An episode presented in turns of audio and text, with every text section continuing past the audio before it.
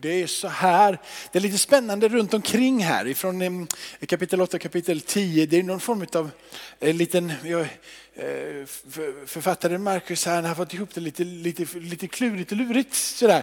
För på ena runden så handlar det lite om berättelse om lärjungarna som på något sätt vill vara stora och mäktiga. Och vem är störst utav oss liksom? Vem är det som regerar? Vem är det som är största och vill sitta på jämte himmelen och så vidare. Gå tillbaka här till dem. Eh, Jakob och Johannes eh, pratar med Jesus om det. Å andra sidan så är det de här två de här sammanhangen när Jesus börjar prata om barnen.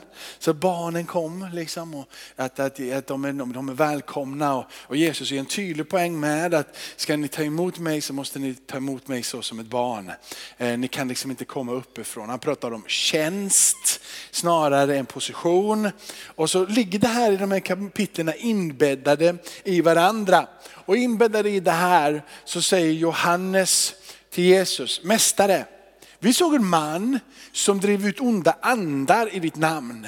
Och vi försökte hindra honom eftersom han inte följde oss.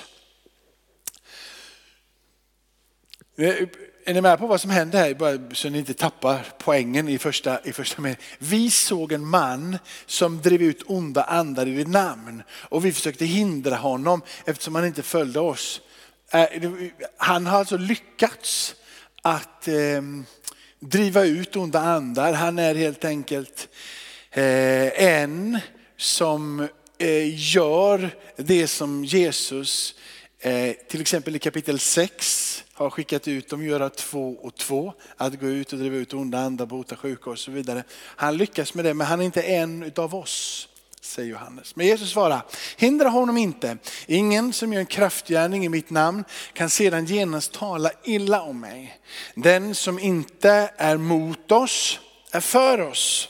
Den som ger en bägare vatten att dricka därför att ni tillhör Kristus, sanningen säger jag er, han ska inte gå miste om sin lön. Så lyder det heliga evangeliet. Kristus.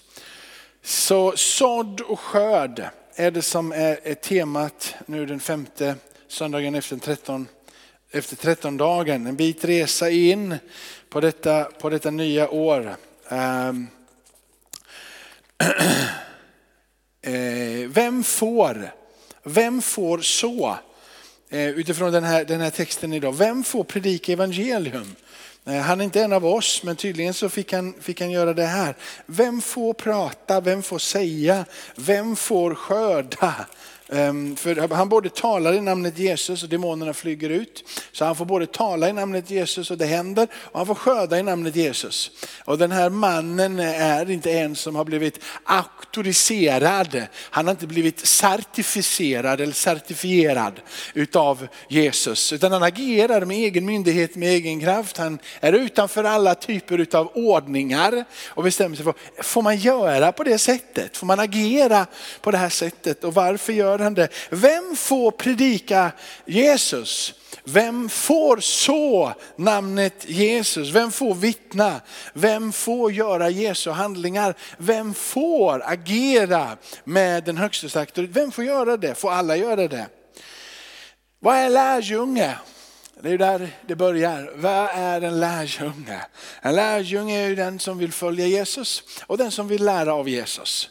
Så en lärjunge är en som vill följa Jesus och en som vill lära av Jesus. Krångligare än så behöver det inte vara.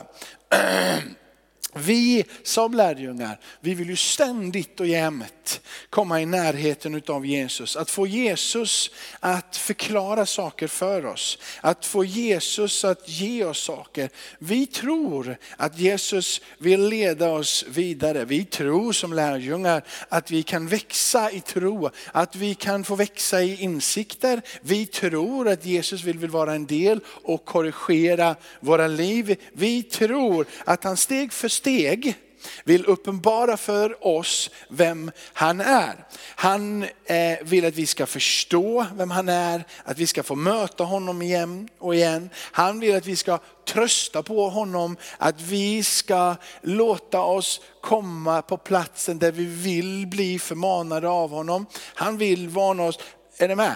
Det här är lärjungaskap och så har jag bara knutit samman alla ord som jag bara kan komma på. Va? Han är din och min frälsare.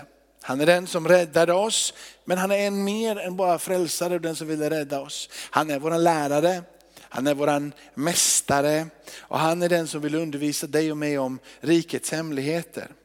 Precis på det här sättet som jag nu pratar med er, är det sättet som Jesus tog sig an lärjungarna genom evangelierna. Steg för steg så undervisar han dem, steg för steg så är han med dem, närmar sig dem, omfamnar dem och tar dem på en resa. Han vill lära dem för varje dag. Han vill att deras ögon ska öppnas. Han vill uppmuntra dem trots att de som du och jag om och om igen eller flertalet gånger misslyckas. De har svårt ibland att tro, de har svårt ibland att fungera, men Jesus tröttnar aldrig på dem. Han undervisar och han förmanar lärjungarna, men lärjungarna de växer i tro och de växer i kunskap. Han tillrättavisar dem, men de växer. Han, eh, är ni med? Det är ständig kamp på något sätt på att de inte, men så växer de. De försöker, de misslyckas, men de växer. Och så fortgår det på det här sättet sen. Ehm, jag skulle vilja säga att de är hyfsat lika dig och mig. Och i den här berättelsen som vi har läst idag så är det så här att Johannes här, Jesus är någonstans 30. Johannes är alla gånger inte äldre. Så vi kallar han för en yngling. Ynglingen Johannes, han eh, får, får, får representera eh, Tillsammans med hans bror Jakob så blir de kallade för Oskans söner. Troligtvis utifrån att de var lite hetlevrade. De var energiska i sin personlighet. Troligtvis hyfsat spontana och agerade liksom lite oberäkneligt. Typ inte så genomtänkta som du alltid är. Maria. Eller hur? Ja. De reagerar snarare än att filosofera. Och den här ynglingen, den här unga mannen, han kastar sig på Jesus. Och så, så säger han att vi har sett en man som eh, gör vårat jobb. Är med? Han gör vårat jobb. Vi gillar inte han. Han gör vårt jobb. Han gör det som vi skulle göra, så vi uppskattar inte honom så mycket. Och framförallt så vill jag säga, påpeka för dig Jesus, klart och tydligt och bestämt att han inte följer med oss. Han är inte en del av oss. Han är inte en del av den här inre exklusiva kretsen. Han är inte en av oss tre, eh, Johannes, Petrus och Jakob som är den inre kärnan. Han är inte en av de tolv. Han är inte någon som har blivit utsänd. Han bara agerar, vi vill bara tala om stopp på belägg, eh, den här eh, mannen vi tog hand om honom. Vi är rätt duktiga. Eh, se på oss Jesus. Vi vill ha ditt beröm. Eh, jag vet inte om det är på det sättet som eh, den här mannen, eller det här så Jesus, Johannes tänker fullt ut. Men han har i alla fall inte tänkt igenom vad det är han kommer och säger till Jesus. Så mycket är säkert. Intressanta är att bara några kapitel eller verser tidigare i, i kapitel eh, i, eh, i samma kapitel, bara några verser tidigare, så har du den här situationen där Jesus botade en, en, pojk, en pojke med en stum ande. Och då är det så här i vers i vers, i vers, eh, bara så ni får, får, får mig, i vers 17 står det, en man i skadan svarade honom, mästare, jag har fört till mig din son som har en stum ande. Och vad den än får tag i honom, alltså anden, så slår den ner honom. Han tuggar fragga, han skär tänder, han blir stel. Och så det, jag bad dina lärjungar driva ut den, alltså anden, men de kunde inte det är hyfsade kontraster här. Lärjungarna kan inte driva ut en demon, men denna man som inte är en av den inre kretsen, han kan driva ut demoner. Man förstår lite kanske Johannes. Han tycker det här är lite jobbigt. Johannes frågar inte om råd, utan han agerar med sin impulsivitet. Och eh, han hoppas kanske att få beröm, men han får inte beröm. Han poängterar klart och tydligt, han följer inte oss. Kapitel 1, när Jesus möter de första lärjungarna så säger han följ mig. Kapitel 2, ytterligare igen, han möter lärjungarna för första svängen, följ mig. När han pratar sen om kostnad och pris av att följa Jesus, både i kapitel 8 och i kapitel 10, så säger han följ mig. Det har aldrig varit frågan om att följa oss. Det har aldrig varit frågan om att följa Linnéakyrkan eller bli som Linnéakyrkan. Det har aldrig varit frågan om att följa Bethel, New Wine eller katolska kyrkan. Det har aldrig varit frågan om någonting av det. Eller följa pingströrelsen. Det har inte varit frågan om det. Det har alltid varit frågan om en enda sak. Jesus säger till var och en av oss, följ mig. Och han påpekar också för alla, vad har du med de andra att göra. Det är dig jag har att göra med.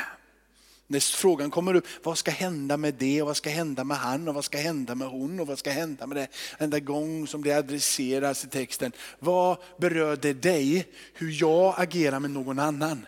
Jesus säger alltid följ mig. Det har ingenting, någonting med oss att göra på det sättet. Det är därför som det blir så patetiskt när Johannes kommer och säger, ja eh, han är inte en av oss så vi kan inte prata med honom. Liksom. Han ska, han borde, men Jesus bryr sig inte ens om vad Johannes säger. Vi ska se sen, bara se här, vi ska komma tillbaka, men vers 39, så här, hindra honom inte. Hindra honom inte. Hindra honom inte. Det är som att Jesus vet precis vem han är. Han har inte kallat in honom i den här gruppen, men det finns andra grupper. Det finns andra sammanhang. Det finns katolska kyrkan med människor som är lärjungar. Du har New Wine där människor är lärjungar. Du har pingströrelsen där människor är lärjungar. Du har så många olika sammanhang där människor är lärjungar. Vad beror det på dig? Hur jag agerar med dem? Lärjungarna själva kände inte igen en person som drev ut onda andar i namnet Jesus. Men Jesus kände honom. Ni ska få se det här sen. Okej, okay, ni är med på poängen så far. Okej, okay. vidare in i nästa kapitel här, så är det ju den här härliga fighten där Jakob och Johannes får begära att få sitta på var sin sida. Det känns nästan som att de tänker att vi är lite, lite för mer än alla andra. Vi har varit på förklaringsberget. Uppe på förklaringsberget så har vi sett Mose, vi har sett Elia, vi har sett dig Jesus, vi har hört Guds röst. Vi är lite, lite mer än många andra. Och nu gäller det att vi kommer snabbare än Petrus och tar platsen på var deras sida om dig. Va? Så nu, nu går vi in till dig. Här Jesus, vi vill ha platsen och Jesus får bara dra ner dem igen. Bara ner. Nej, det är bra med vatten, jag kan ta vatten senare. Det räcker, det går bra, tack. Och då, då, bara, bara ner, lugna ner er, det är helt okej. Okay. Ni, ni, ska inte ha de här, det är inte upp till er sak att göra, slappna av lite. Och sen så får han påminna dem igen om att tjäna. Det är det det handlar om, att tjäna. Ta dig ingen plats här uppe. Korrigera dig inte. Försök inte finna utrymme, plats, position. Utan du och jag, vi kallar det att tjäna. Han har sagt det om och om igen innan, att du ska vara som ett barn. Och du måste bli barnslig i barnaskapet där för att kunna komma in i mitt rike. De har varit där tillsammans när synagogsföreståndarens dotter blev uppväckt ifrån de döda. De har levt i den inre kretsen. Trots det så har de inte fullt ut förstått. Lärjungarna försöker att stoppa mannen som driver ut demoner i Jesu namn. Han som gör saker för Jesus skull. Här är han certifierad eller är han ocertifierad? Han är en framgångsrik exorcist måste man säga. Han använder Jesu namn utan tillstånd men det funkar. Han har säkert bara sett på när de andra gjort det. Han är inte lika lärd. Han har inte, lika mycket kunskap. Han gör alla saker lite tokigheter och har inte tydlig stark teologi. Även nu om inte lärjungarna än själva har det. Men det fungerar. Det händer. Det som är sant. Johannes i mina ögon, jag tror han är orolig. Det är därför också han vill säga till. Han är orolig för vad som ska ske. Och han är orolig för vad som ska hända med Jesu namn. Han vill skydda namnet Jesus, detta heliga namn, så att det inte blir fel på något sätt. Han vill skydda kanske sin egen status och lärjungarnas status och det som har blivit sagt över dem, att ni ska vara mina representanter. Två och två ska ni gå ut, kanske så vill han skydda sig själv. Men jag tror att han ytterst vill skydda Jesus. Det får inte bli fel nu när det har börjat så bra. Om Jesus som har kallat de tolv nu har sänt ut de två två, han måste ju måste hjälpa Jesus så att inte Jesus förlorar mandatet. Men Jesus säger tydligt till Johannes, hindra honom inte, hindra honom inte. Ingen som gör en kraftgärning i mitt namn kan sedan snabbt tala illa om mig. Den som inte är emot oss, han är för oss. Och hur dålig teologi den här mannen än har, hur konstig han än är, om han är katolik, ortodox, pingstvän, new winare eller vad man nu ens kallar dem, eller de är EFK eller vad det nu än är, så är en sak säker. Jesus kastar inte ut honom, han är med oss, för han är inte emot oss.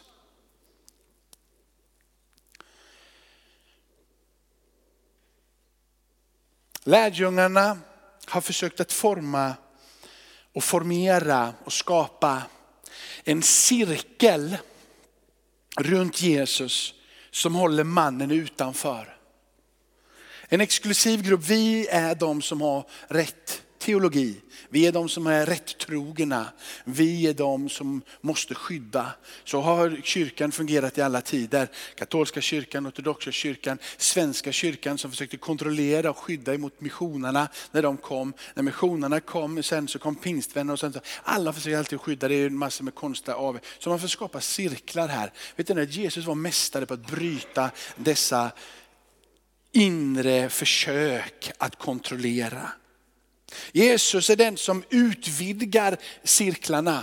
Han räds inte när människor rör sig och talar i hans namn. Han fruktar inte för han är den allsmäktige ende sanne guden. Han kontrollerar himmelen och jorden. Han rör sig fritt igenom alla tider för han är från evighet till evighet. Han ängslas inte, han är inte orolig om någonting ska bli fel. Han styr upp det, allt efter sin vilja och sina höga beslut. När människor försöker att tränga ner och minska den här cirkeln runt omkring honom så vidgar den. Då går han in, du får inte röra den spetälske. Då går han in och rör vid den spetälske. När de säger att du får inte vara och äta äta och vara och leva och prata med syndare, publikaner, skatteindrivare, samarier, kvinnor så bryter han alltid de kulturella barriärerna, de sociala barriärerna. Han bryter varje barriär, han utvidgar cirkeln hela tiden. Han räds inte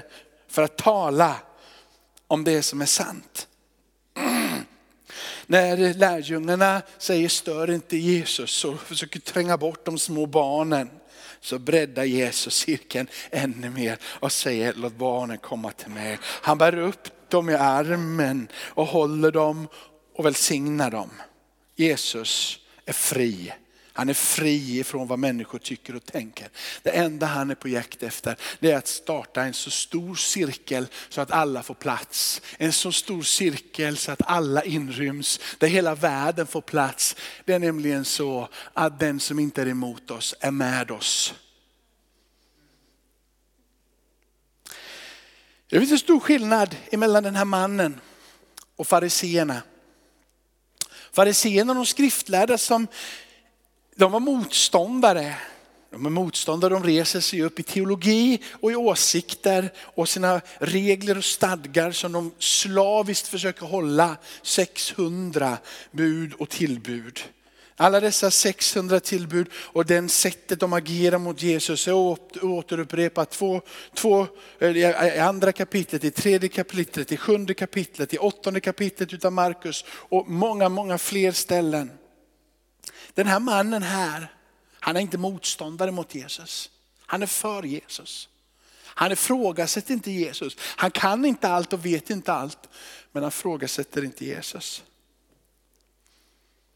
Jesus öppnar inte dörren för varje religiös aktivitet. Jag läser vad jag skrivit nu så att jag inte predikar det. Jesus öppnar inte dörren för varje religiös aktivitet i hans namn. Det går inte att missbruka namnet Jesus för egen vinnings skull. Eller för att dra uppmärksamhet till sig själv. Det är alltså omöjligt att använda Jesu namn felaktigt. Men vi måste komma ihåg att i den här platsen så är det så att Jesus, av hans kommentar så ser man att denna mannen använder faktiskt Jesu namn med vördnad.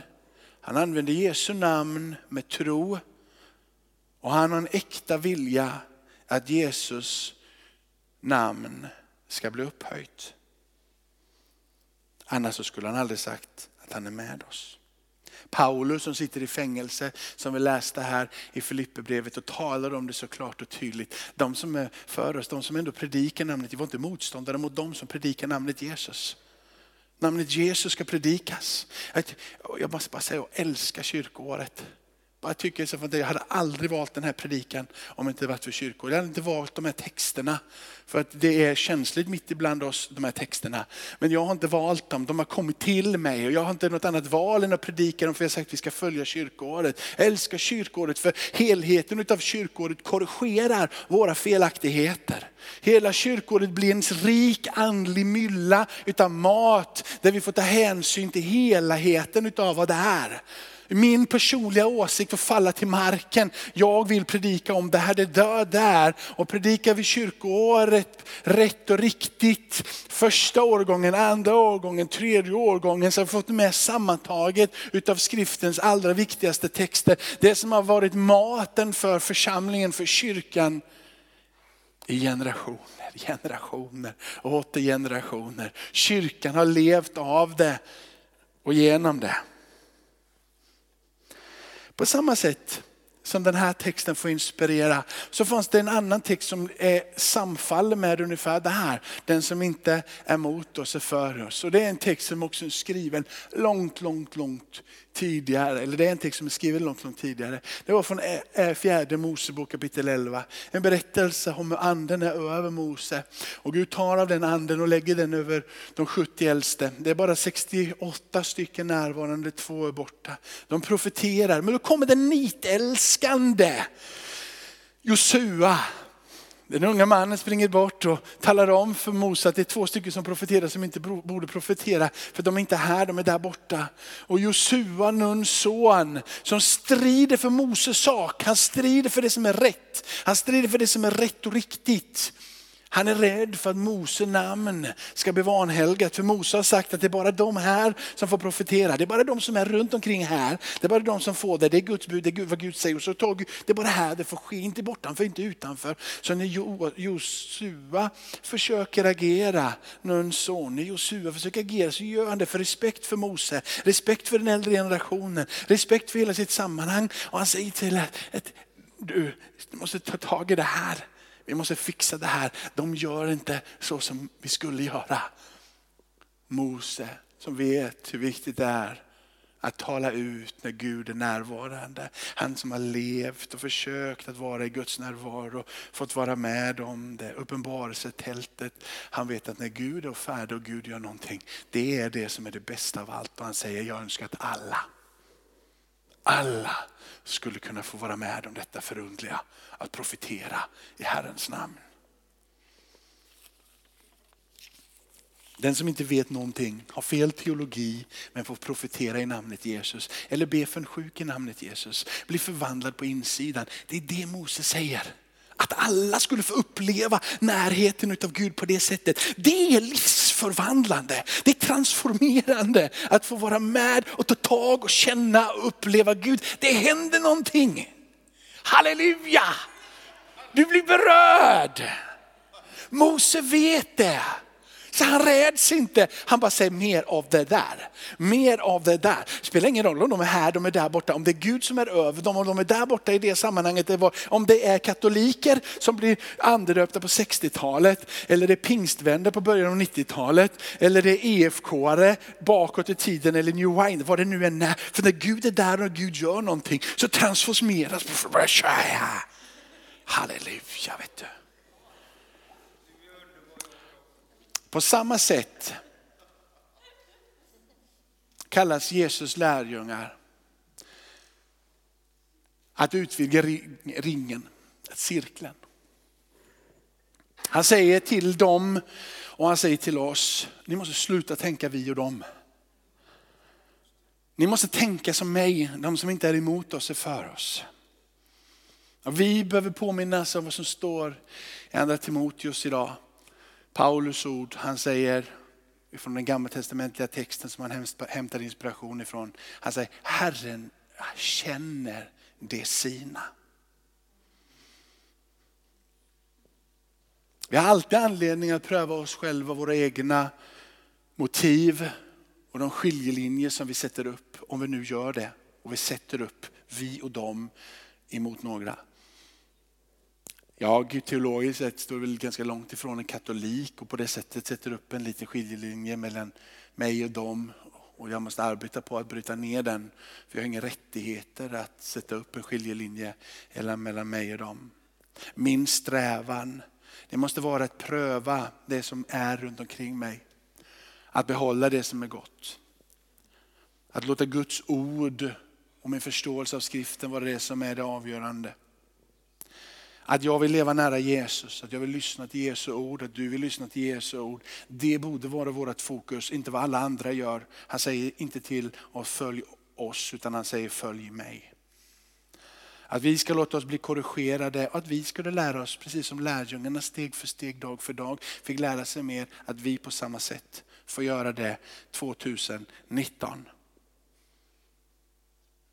Ibland så tänker vi att det är vi och Jesus och det finns inte utrymme för några andra. Eller vi tänker att det gör det men vi tänker fortfarande att det är vi och så är det de där ute. Det är vi och Jesus och så är det de och syndens makt eller hur vi nu än tänker. Men vi får inte glömma bort att frälsningens verk, det sättet som Gud verkar med sin försonande kraft från korset är oändligt mycket större och rikare och bredare än vad du och jag kan förstå, än vad du och jag kan tänka. Det är därför som du har det vers 41. Den som vill ge en bägare vatten att dricka därför att ni har tillhört Kristus. Sannerligen, han ska inte gå miste om sin lön. Därför, en lärjunge är en som har Jesus som sin Herre och lärare genom hela livets skola. Han är en som inte dömer så som hans mästare inte dömer annat än Jesu Kristi domstol. Jesus vill hela tiden lära oss mer.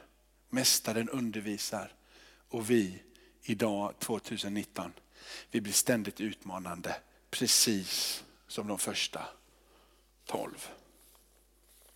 Amen.